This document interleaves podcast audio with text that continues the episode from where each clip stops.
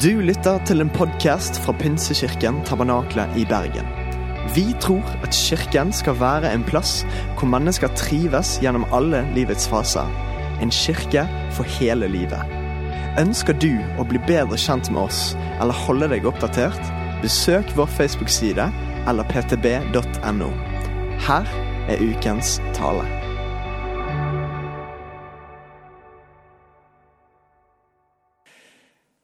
I dag så eh, har jeg holdt på å si utfordra meg sjøl og, og, dere på at vi skal dele litt om eh, visjonen vår.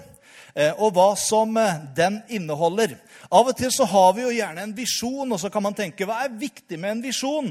Ja, Det er i hvert fall ikke viktig med en visjon hvis det er bare en slogan man har på en hjemmeside som man aldri snakker om. Da blir visjonen meningsløs. Men visjonen skal gjerne inneha noe av det som er vårt hjerte hjerte, noe som er vårt DNA som menighet, som eh, vi ønsker å jobbe med. Og i eh, vår kirke her, Pinsekirken Tabernakle Bergen, så har vi definert vår visjon på denne måten her. Vi ønsker å være et varmt fellesskap av Jesu etterfølgere, som inspirert av Den hellige ånd tilber Gud og bringer håp til mennesker. Og innenfor dette med håp så er det jo både frelse, det er evangeliet, det er også sosialt arbeid, det er rettferdighetsarbeid. Det er alt det vi ønsker å være med og inkludere inn i det som har med menighet å gjøre. Og når vi snakker menighet eller kirke, så snakker vi ikke om disse fire veggene, eh, men vi snakker om deg og meg, som er en del av denne menigheten. Og om du er her på en søndag, eller du er i din arbeidsplass på mandag eller tirsdag eller onsdag eller torsdag eller fredag eller lørdag, for den saks skyld, og så er det jo de som jobber skift på søndag også. Men der er også menigheten til stede. Når du er der, så er du menighet på det stedet der hvor Gud har satt deg. Og det er så viktig å forstå. Eller så kan vi få en inntrykk av at menighet, det er hver søndag når vi er samla her. Da skal alt skje. Da skal vi tilbe Gud, da skal vi gi, da skal vi tjene, og så resten av uka tar vi fri. Nei, der ute er du menighet i hverdagen hver eneste dag i uka. Det er ikke vår oppgave å skape på en måte menighetens mål. Men det er vår oppgave å oppdage menighetens mål. Vi var nettopp på en eh, lederdag i eh, Oslo sammen med en ikke så ukjent for mange, Martin Cave, som har leda Immi-kirkens arbeid. Eh, og Tidlig i hans tjeneste så var han veldig opptatt av å liksom be Gud hva vil du at jeg skal gjøre nå? Det var bønnen hans i begynnelsen. Og Etter hvert så snudde denne bønnen, for han skjønte hvor egentlig rart det var. Gud, hva vil du at jeg skal gjøre? Eh, så bønnen ble mer etter hvert Gud, hva er det du gjør? Og så ble neste bønn Gud, la meg få være med på det du gjør. Og jeg tenker at Det er så viktig. Det viktigste er ikke at vi lager en fin slogan, en fin visjon, men at vi finner ut hva er det Guds visjon er. Hva er det hans agenda er for oss? Og så må vi be Gud, kan jeg få være med på det? Kan jeg få gi meg til det som er ditt hjerte og ditt mål. Og Derfor skal vi se litt i dag på hvorfor eksisterer menigheten. Og hva kan vi være som menighet? Hvem er vi? Hva er vi? Og hva skal vi gjøre som menighet? Hva vil Gud ha gjort i denne verden? Og det siste blir hvordan skal vi gjøre det? Jeg greier sikkert ikke å svare på alle de spørsmåla i dag. Men jeg tenker at det er viktige spørsmål å stille seg. Både hvorfor vi eksisterer, hva vi skal være, hva vi skal gjøre, og hvordan vi skal gjøre det. Selv om mange bibelavsnitt beskriver hvordan menigheten skal være, og hva den skal gjøre, så er det to viktige uttalelser av Jesus som jeg tror på en måte summerer det hele. Og det er to avsnitt i Bibelen. Det ene kan vi kalle for det store budet i Matteus 22. Og det andre er misjonsbefalingen i Matteus 28. Og Vi skal lese disse to. I det store budet som Jesus kommer med, så står det slik Du skal elske Herren din Gud av hele ditt hjerte og av hele din sjel og av all din forstand. Dette er det største og første bud. Men et annet er like stort. Og så er det noen paralleller her. Du skal elske din neste som deg selv. På disse to bud hviler hele loven og profetene. Så hvis du har lest de ti bud og holdt på å si 365 til, i hvert fall, som eh, man eh, hadde i Gamle Testamentet for hver eneste dag, så summerer da Jesus opp disse budene inn i en parallell bud i forhold til å elske Gud og elske mennesker. Ja, men hva skal vi gjøre, da, i forhold til det å elske Gud og elske mennesker? Og så kommer Jesus. Før han drar opp til himmelen, så deler han befalingen med dem. Meg er gitt all makt i himmelen og på jorden. Gå derfor ut og gjør alle folkeslag til disipler. Idet dere døper dem til Faderens, til Sønnens og Den hellige ånds navn og lærer dem å holde alt det jeg har befalt dere. Og se, jeg er med dere alle dager inntil verdens ende. Eller inntil denne tidsalders evne, som det står egentlig i grunnteksten. Det store budet, når Jesus deler det, så kom det som svar på et spørsmål som Jesus fikk. En dag ble han spurt om han kunne si hvilket bud som var det viktigste. Det var en som kom og ville rettferdiggjøre seg for Gud og sa til Gud, hva, hva er det viktigste av alle budene? Og Så nevnte han noen av budene og sa ja, men det har jeg holdt helt fra jeg var ung. Og så delte han videre om sammenhengen. Og så deler han disse, dette budet her etterpå. Her er hele Det gamle testamentet i et nøtteskall, sier han. Og jeg skal gi dere en oppsummering av hele Guds ord. Hele loven og profetene kan sammenfattes i to forhold, er det som Jesus sier. Du skal elske Gud av hele ditt hjerte og de neste som deg selv. Og senere, i noen av de siste som Jesus sa til disiplene, så ga han dem misjonsbefalingen, som inneholder tre oppgaver, egentlig. Gå ut og gjør til alle mennesker Vinn disipler, døp dem, og så lærer du dem å holde det jeg har befalt dere. Hver eneste menighet kan ofte defineres på det oppdraget eller det de er opptatt av. Jeg tror at en sann overgivelse til det store budet og til den store befalingen vil føre til en voksende og sunn menighet. Og Jeg tror at som menighet så har vi flere hensikter. Men jeg har lyst til å nevne kanskje fem hensikter som vi har, som vi finner i disse to budene. Den store befalingen og det store budet. Det ene kan vi kanskje kalle for tilbedelse. Vi har fått lov til å gjøre det i dag. Og det er mange måter å gjøre det på. Definert i det du skal elske Gud av hele ditt hjerte. Hvordan viser du at du elsker et menneske? Ja, det er viktig med ord. Det er viktig å si man, at man elsker. Men eh, det har veldig liten effekt hvis du bare alltid sier til en du er glad i, at 'jeg er så glad i deg, jeg elsker deg så mye'. Eh, men så handler du aldri på det. Og viser ikke kanskje med eksempler, med handlinger, den kjærligheten du har. Og Derfor så er Jesus vårt fantastiske store eksempel når Bibelen sier For så høyt elsket Gud verden at han ga sin eneste sønn. Den som virkelig elsker, sier Bibelen, den gir sitt liv for den man elsker. Og det var nettopp det Jesus gjorde. Han ga sitt liv for oss. Og det å tilbe ham, det er mer enn bare å sette noen toner på noen ord og synge. Men Bibelen snakker om frukt av lepper som lover hans navn.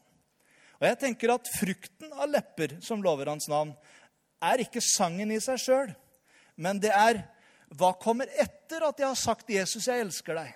Hva kommer etter at jeg har sagt 'Jesus, jeg vil gå hvor som helst for deg'? Hva kommer etter at vi sier 'Jesus, jeg vil gjøre hva som helst for deg'? Ja, men det som kommer etter, er jo frukten av det jeg sier, som er handlingene som følger etter. Så det å tilbe ham, det å ære ham, det handler om å gi seg til ham hele livet.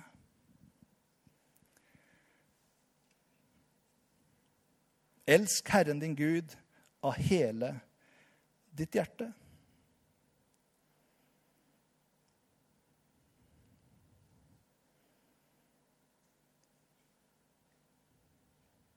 Det betyr ingenting om vi er for oss selv, om vi er i en liten gruppe eller vi er sammen med 10 000 eller 100 000 mennesker rundt oss.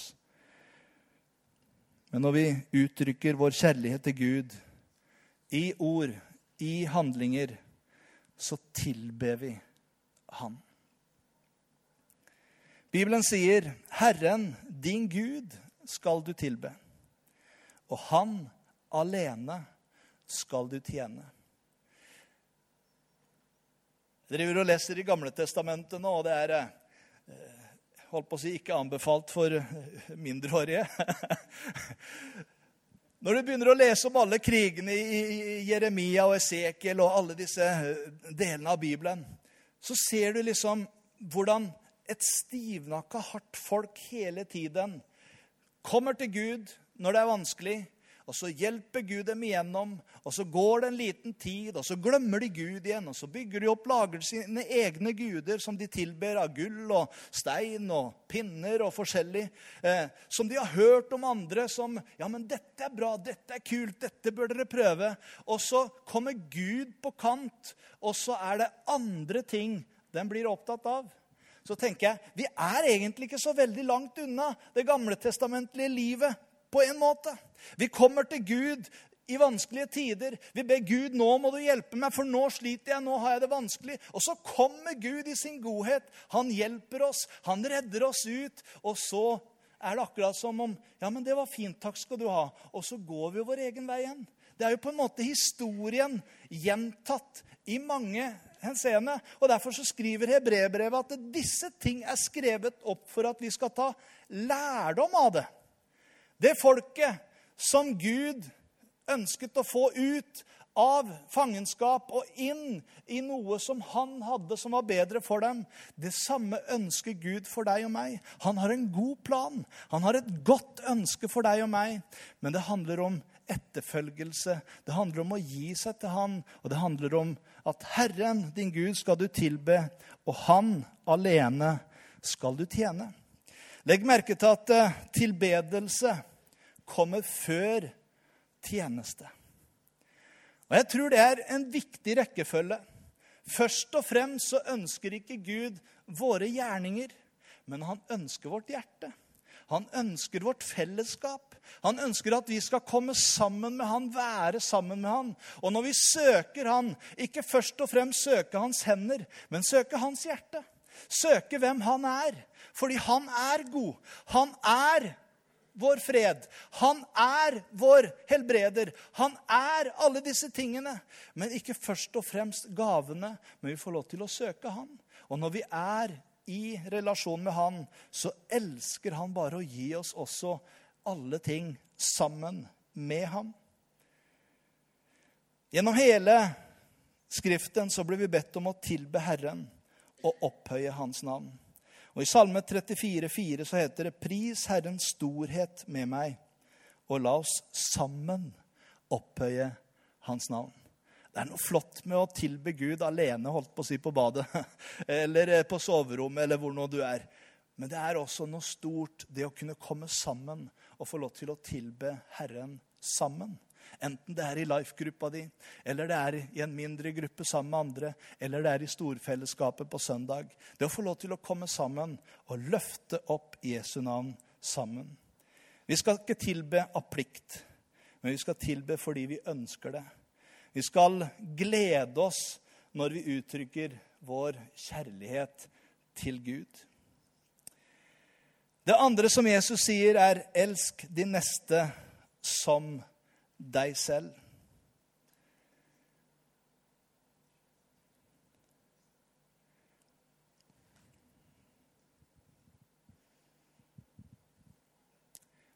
Ordet som beskriver kanskje denne oppgaven, kunne vi kanskje kalle for tjeneste. Menigheten den er til for å tjene mennesker. Og tjenesten er også et uttrykk for Guds kjærlighet til andre ved at vi møter andres behov. Og hver gang du strekker deg ut til andre i kjærlighet, så tjener du dem.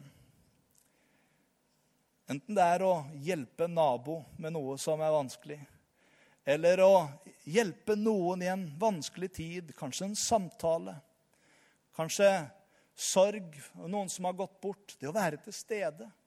Og Det er veldig mange av oss som syns kanskje det er vanskelig. Men hva skal jeg si til en som er syk? Hva skal jeg si til en som har mistet noen? Og Jeg har funnet ut i løpet av tjenesten at det viktigste det er ikke hva jeg sier, men at jeg er der. Det å være til stede. Det å kunne si til noen Vet du hva? Er det noe, så er jeg her for deg. Bare ring, så tar vi en kopp kaffe. Så kommer jeg ut til deg. Så er vi sammen, så gjør vi noe. Men det å tjene, det er noe som Gud har lagt i oss. Og menigheten skal møte alle slags behov. Og Når jeg snakker om menigheten, så vil jeg igjen bare repetere det. Så snakker jeg ikke om noe diffust på en søndag, men jeg snakker om deg og meg. Jeg snakker om der hvor du og jeg er i vår hverdag. Så er vi kalt til noe viktig. Vi skal få lov til å være med og møte menneskers åndelige behov. Vi skal også få lov til å være med og dekke noen av menighetens eller menneskers følelsesmessige, sosiale og fysiske behov. Og Jesus sa til og med at et glass vann som ble gitt i hans navn, ble betraktet som en tjeneste, og at den som gjorde det, ikke skulle la være å få sin lønn. Tjenestegavene i menigheten, de tjenestene som Gud setter i menigheten, skal være med å utruste de kristne, slik at de blir gjort i stand til tjeneste for Gud, står det i Bibelen. Efeserne 4,11 så står det Han som ga noen til apostler, noen til profeter, noen til evangelister, noen til hyrder og lærere, for at de hellige skulle bli gjort i stand til tjenestegjerning, til oppbyggelse av Kristi legeme.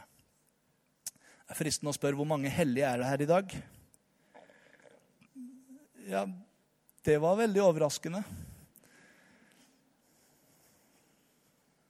Det er noen få til. Jeg syns nesten du skulle rekt opp hånda alle sammen, ja, men for det er dere han snakker til. Ja, men jeg føler meg ikke heller. Det er ikke det han snakker om. Men har du tatt imot Jesus, så har han helliggjort deg. Du er rettferdig gjort i Kristus Jesus. Ikke pga. dine gjerninger, men pga. at han er så god. Så når du ga ditt liv for han, så kaller han faktisk menneskene som han skriver til. Og når han skriver gjennom Paulus, til de hellige i Efesus. Og Derfor har jeg lyst til å snakke til dere i dag. Til de hellige i tabernaklet Bergen. Det er dere, det. Så når det står om å utruste de hellige til tjenestegjerning, så er det fordi vi skal få lov til å tjene i de settingene vi har. Og Derfor så elsker jeg at vi skal nå sette i gang med Businessforum. Jeg kalte det for Misjonsforum forrige søndag. Det er jo en slags misjonsforum også. Businessforum. Fordi det handler om hvordan kan vi komme sammen, hvordan kan vi inspirere hverandre for at vi bedre kan gjøre en jobb i det samfunnet der hvor Gud har satt oss. I den businessen hvor Gud har satt oss. I det arbeidsmiljøet som, som jeg får lov til å være i. Og det å kunne komme sammen et nytt fellesskap bare for å inspirere hverandre. Hvordan kan vi gjøre dette på en bedre måte der i hverdagen hvor du og jeg skal være menighet? Så har du ikke meldt deg på enda, så inspirerer jeg deg til å være med også i det fora.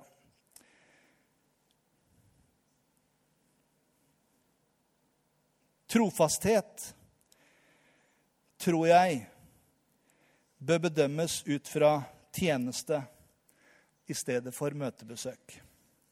Av og til så, Jeg husker Kristin Kane hun var på en predikantkonferanse et år og tok oss skikkelig. Hun snakka om trofasthet. Eh, og eh, Det var før liksom LED starta. Så hadde vi noe som heter predikantkonferanse. Konkurranse var det noen som kalte det. Eh, og Kristin Kane fra Australia hun snakka om trofasthet. Og så sa hun det at mange kaller det for trofasthet fordi jeg er jo alltid der. Og så brukte hun eh, bildet fra talentene som Herren ga. Den ene ti, den andre fem, den andre én. Eh, og så får du lese historien etterpå. Jeg skal ikke preke om det nå. Eh, men så snakke om trofasthet. Det er å bruke det Gud har gitt deg, og la det få lov til å bli velsignelse for andre. Men han siste, han som hadde fått én, så kan du tenke liksom, ja, men så urettferdig at han bare fikk én. Men han kunne jo ha virkelig fått det samme budskapet som de andre. Du gode og tro tjener.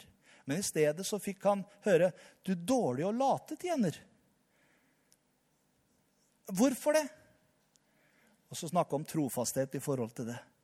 Mange tenker at trofasthet er å bare alltid være der. Men hvis det alltid er der, og ikke er opptatt av de tingene som Gud er opptatt av. At vi tilber Han, at vi tjener mennesker, at vi får lov til å gå ut. Det er trofasthet i et nøtteskall, nevnte hun. Og det ble en tale som jeg husker en dag i dag, i forhold til å ikke bare være der, men være det som han hadde tenkt jeg skulle gjøre. Og bruke de talentene, bruke de gavene som han har gitt meg, for at det kan få lov til å vokse i Guds rike. Det tredje som han snakker om, er gå og gjør disipler. Vi kan kalle det for misjon eller evangelisering. Eller formidling av evangeliet. Og Menigheten er til for å formidle Guds ord. Vi er ambassadører, og vår misjon er å gi evangeliet til verden. Og ordet 'gå' i den misjonsbefalingen som vi leste, er i presens partisipp i det greske teksten om å gående, gjørende, døpende. Det er noe som vi fortsetter med å gjøre. Det er ikke noe som OK, nå har jeg gjort det, ferdig med det. Men når du gjør det, mens du gjør det, så fortsetter vi hele tiden å gjøre det. Og enhver kristen har ansvar for å dele disse gode nyhetene der hvor vi er. Vi skal fortelle hele verden om Guds store kjærlighet. Kristi komme, hans liv, hans død, hans oppstandelse. Hans store kjærlighet til oss. At vi kan bli frelst gjennom troen på Jesus, han som er den eneste veien til frelse, og han som har lovt at han skal komme igjen og ta oss til seg, så har han sagt at han skal være med oss alltid. Og En dag så vil vi stilles til regnskap for hvordan vi har gjort dette. Og vi har tatt dette på alvor, dette ansvaret om å dele evangeliet til alle mennesker. Og jeg tror misjonering eller evangeliseringsoppdraget er så viktig at Jesus egentlig ga oss fem misjonsbefalinger. I hvert fall fem forskjellige som har definert eller sitert misjonsbefalingen i hvert av evangeliene og også i apostlenes gjerninger. Du kan lese om det i Matteus 28, Markus 16, Lukas 24, Johannes 20 og apostlenes gjerninger 1, hvor Jesus befaler oss å gå ut og forkynne frelsens budskap til alle mennesker i hele verden. Å dele evangeliet er ikke bare et ansvar, men det er et fantastisk privilegium. Tenk at de får lov til å være hans ambassadører. Får lov til å gå ut med budskap om han. Og vi innbys til å være med i den store oppgaven å føre folk inn i Guds evige familie. Og det er ikke noen oppgave som er så viktig og som gir livet så mye mening, som får lov til å dele evangeliet om Jesus. Du har fått evangeliet om evig liv for å dele det med andre. Og dette er den største av alle nyhetene. Hvis du hadde funnet f.eks. en hjelp for en dødelig sykdom som bare du hadde funnet ut av, ville ikke du da fortalt om den til alle mulige? Så alle som hadde denne sykdommen, kunne bli redda. Jeg tenker Evangeliet er jo mye viktigere enn det. Det er Guds frelse til hver den som tror, og vi får lov til å dele det med alle mennesker. Så lenge det er mennesker i verden som ikke kjenner Jesus Kristus, så har menigheten en enestående mandat. Og vekst er ikke valgfritt, men det er en befaling som Jesus har gitt oss. Og vi skal alle søke ikke menighetsvekst pga. egen tilfredsstillelse, men fordi Gud vil at alle mennesker skal bli frelst. Og Så ber Jesus om å gå til hele verden med hele dette budskapet om frelse. Det tredje, tredje som Jesus sier i misjonsbefalingen, er idet dere døper dem. Og I den greske teksten til det store misjonsbefalingen så er det som sagt tre verb i presens. Og dette her er dette gående, døpende, lærende. Alle disse hører med i befalingen om å gjøre disipler. Så hvorfor er dåpen så viktig at den får plass i Jesu misjonsbefaling? Jeg tror det er fordi at den symboliserer en av menighetens oppgaver, nemlig fellesskap eller samfunn identifikasjon med Kristi kropp. Og Som en kristen så er vi kalt ikke bare til å tilhøre, men vi er kalt til å tro. Og tilhøre. Det er ikke meningen at vi skal leve et liv der vi har troen for oss selv. Men troen, den er personlig, men den er ikke en privatsak. Av og til så snakker jeg med mennesker ja, men har du en tro på Gud? Ja, det er en privatsak, sier de. Nei, det er ikke det. Det kan være personlig, fordi at jeg kan ha en personlig tro. Men så, når jeg har fått Guds tro i meg, så er den ikke lenger en privatsak. Fordi Gud har sagt at jeg skal dele min tro med andre. Eh, hadde det vært en privatsak, da skulle jeg holdt den for meg sjøl. Men evangeliet har ikke det i seg. Det har sprengkraft i seg til å deles med andre. Og Derfor så er aldri evangeliet en privatsak. Og det er det som også dåpen får frem. Dåpen er en handling som uttrykker en persons tro på Jesus. Og uten troen på Jesus så er handlingen helt uten betydning.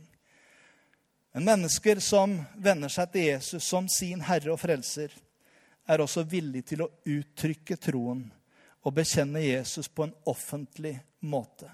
Og det er det som skjer i dåpen og jeg lar meg døpe på Jesu Kristi befaling. Den som tror og blir døpt, skal bli frelst. Ja, Betyr det, sier du, at troen, frelsen, er i dåpen? Nei. Han sier også at det, den som ikke tror, skal bli fordømt. Så det handler, det er troen som frelser, men dåpen blir på en måte en bekreftelse. Det blir en synlig handling på det som jeg allerede har fått lov til å ta imot. Det blir som bryllup, det, vet du. Det blir en offentlig sak som jeg gjerne vil at alle skal få vite. Vet du hva? Jeg elsker denne Linda. Og jeg har forlova meg med henne, og nå vil jeg at hele verden skal få lov til å vite det. Og så blir det bryllup. Holdt på å si, Og så blir det dåp. Troen. Følge av det. En god samvittighetspakt med Gud. Og det er jo nettopp det Ekteskap er også det er en pakt mellom to mennesker. Og det at jeg får lov til å døpe meg på min tro og bekjennelse, det er også en stadfestelse på denne pakten mellom Jesus og meg. Troen er død når mennesket ikke er villig til å gi uttrykk for den, skriver Jakob. Vis meg din tro uten gjerninger, så skal jeg vise deg min tro av mine gjerninger. Jeg tror at troen, den får følger. Både i forhold til at jeg deler det med andre, i det at jeg er lydig mot de befalingene som Jesus gir. Det viser at jeg har en aktiv tro. Troen alene frelser, men en frelsende tro den kommer aldri alene. Den vil alltid være villig til å komme til uttrykk. Og dåp er en måte å uttrykke denne troen på. La meg bare si det igjen. Dåpen frelser ikke. Det gjør Jesus. Vann vasker ikke bort syndene. Det gjør Jesu blod. Men troen gjør hans blod tilgjengelig, gjeldende for meg. Og noen ganger så uttrykkes troen på det tidspunktet som personen blir døpt. Følge Apostlenes gjerninger 22, 16. Spørsmålet er har du omvendt deg. Tror du på Jesus? Jeg holdt på å si i så fall, hva venter du på? Ta steget fullt ut og la deg døpe hvis du ikke har gjort det enda. Ja, men det er så lenge siden jeg tok imot, sier du. Ja, da er det jo enda viktigere at du får gjort det ganske fort. Dåpen det er et symbol for samfunn. Og Når nye troende blir døpt, så ønsker vi dem velkommen til samfunn med Guds familie. Vi er ikke alene. Vi skal støtte hverandre. Og Jeg liker hvordan Efeserne 2,19 blir parafrasert i Living Bible. Der står det Altså er dere ikke lenger gjester og fremmede. Nei, dere har fått Guds eget Dere får være Guds eget folk sammen med alle som tilhører Gud. Dere er medlemmer i Guds store familie. Menigheten er til for at de troende skal ha samfunn med hverandre. Og Av og til så diskuterer vi litt dette ordet medlemskap. Men jeg måtte tygge på det litt på vei hit i dag også. Medlemskap, ja. Ja, Det er ikke bare liksom navn i en protokoll. Men hvis du tenker hva ordet egentlig betyr, så betyr det å være et lem på. Å være et medlem. Altså Denne armen er et medlem på kroppen som heter Benjamin Jensen. Eh, altså, den, den hører til. Dette beinet er et lem på den samme kroppen. Og slik er vi medlemmer i Kristi kropp. Eh, så det viktigste er jo det.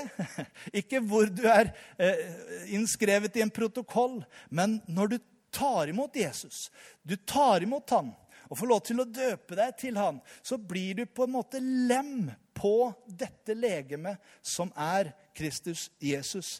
Og Det betyr at vi har samfunn med ham. Og La meg avslutte raskt med den siste delen der står det at vi skal lære dem.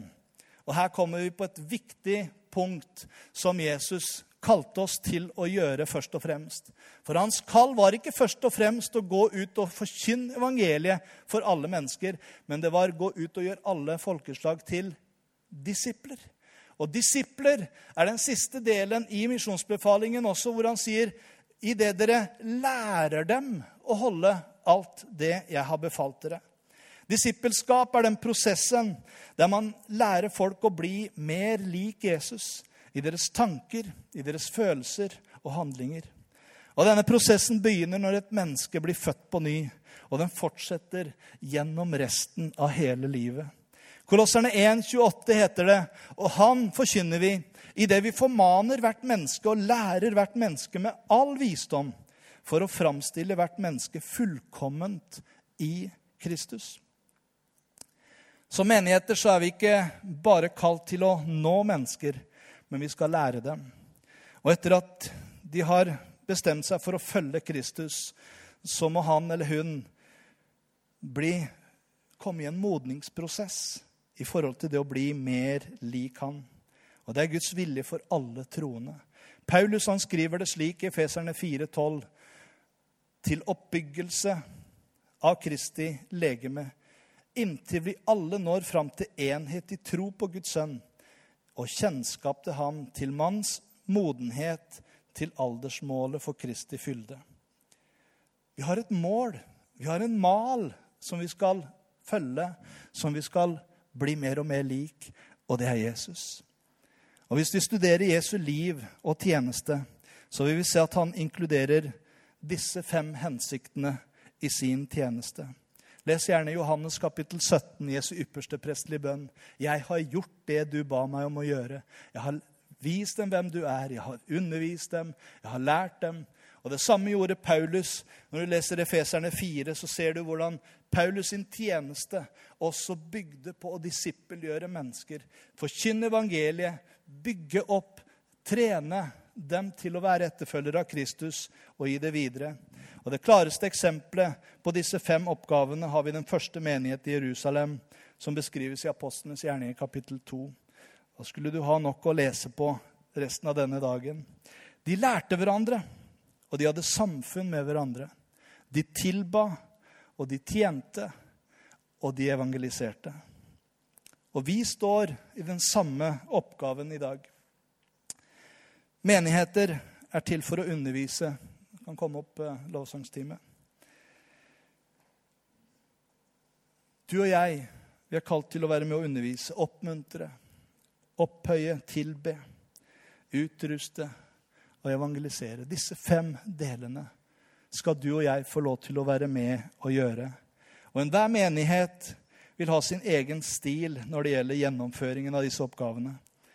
Men det må være ikke noe vi er uenige om. Det er hva vi er kalt til å gjøre. Disse tingene er det vi er kalt til å gjøre. En sann overgivelse til det store budet og den store befalingen vil føre til en sunn og voksende menighet. Amen.